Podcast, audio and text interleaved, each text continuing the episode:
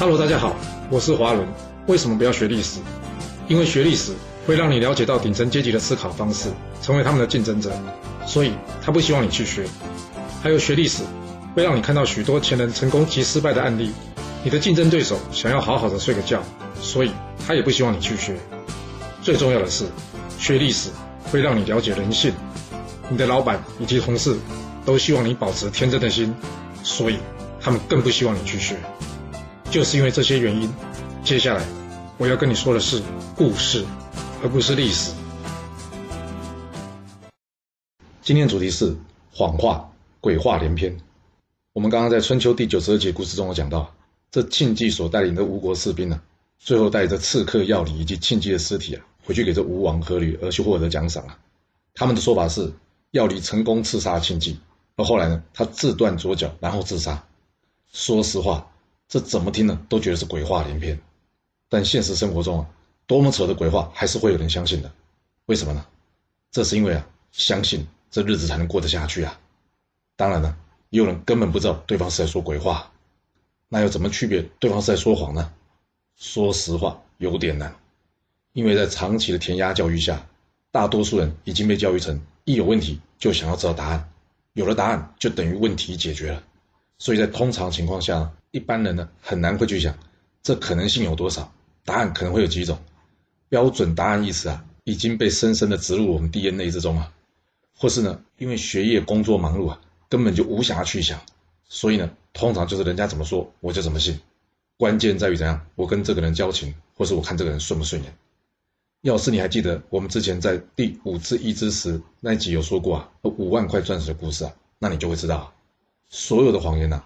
都不容易经过逻辑的检验，所以要是真的想检验对方是不是说谎啊，最直接的方式就是利用客观的事实以及逻辑。凡是不合乎逻辑啊，就有可能有猫腻。像这种例子啊，你每天打开看政治新闻的，你就可以找到好几个。而解开谎言的能力啊，通常与学识无关，而是跟你有没有警觉心以及注意到客观的事实有关。对于那些喜欢说“据说啊”“听说啊”“我有个同事跟我说啊”“我有个同学跟我说啊”等等等。那些来路不明的讯息啊，你一定要提高警觉。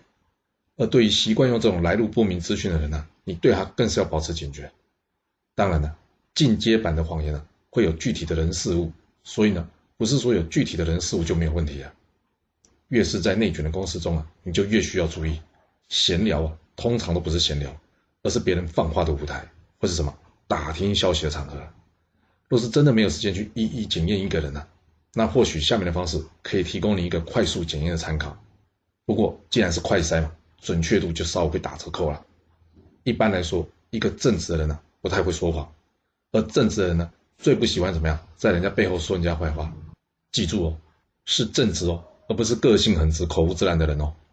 那些说话很快、口无遮拦的人呢，并不代表一定不会说谎，有时候他是被人家利用说谎，而他自己不知道而已。虽然说个性急的人呢，有话藏不住，通常不会说谎，但也正因为他个性急，所以啊，遇到事情不一定会去求证。若是你相信他，或是他被人家利用，那你就很可能因为在信任他的基础之下，被别人的谎言所操控了。而另外呢，习惯说话开头或是结尾拖长音的人呢，通常心思比较多，你就需要怎么样？比较留意，注意听许多人说话，第一个字或最后一个字常常会拖长音。比方说，一开始说话就说“嗯”，或是先深呼吸一下，或是说话结束的时候习惯用“是哦”“对哦”“好哦”“啊”等语助词。这些人说话都是在脑袋里面转了好几圈了。他说话有多想，那你觉得你是不是也应该要想一想？当然，这些简单的检验方式对于擅长说谎的人来说，可能功用并不大。不过处理一般的生活状况呢，还是可以应付一下的。还有就是，我们偶尔要耍笨耍废一下。真正把你当朋友的人，他会阻止你做错事以及做傻事；而那些不阻止你做傻事或做错事的人，通常就没把你当真正的朋友。那这些人说的话，基本上你就得打折扣了。记住啊，职场就是江湖啊，要在江湖生存下去，都有一定的法则。这跟你的职位高低无关。你看看楚庄王嘛，看看他的故事就知道了。他一上任时呢，他就开始耍废，但是真的是耍废吗？还是他要透过耍废，他才能知道下属谁才是忠心的？即使他贵为大王了，他都还必须这么做，你说是吧？若是你有其他想法，也欢迎你留言分享你的看法给大家哦。好啦，我们今天先说到这。如果你就是不听我的劝，想知道完整版的故事内容，你可以从说明栏找到我爱故事频道的连结。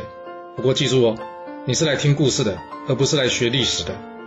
要是您喜欢这个频道，麻烦您动动您的手指，追踪、留言，或是给我五星评价的支持以及分享。谢谢您来收听，我们下次再见。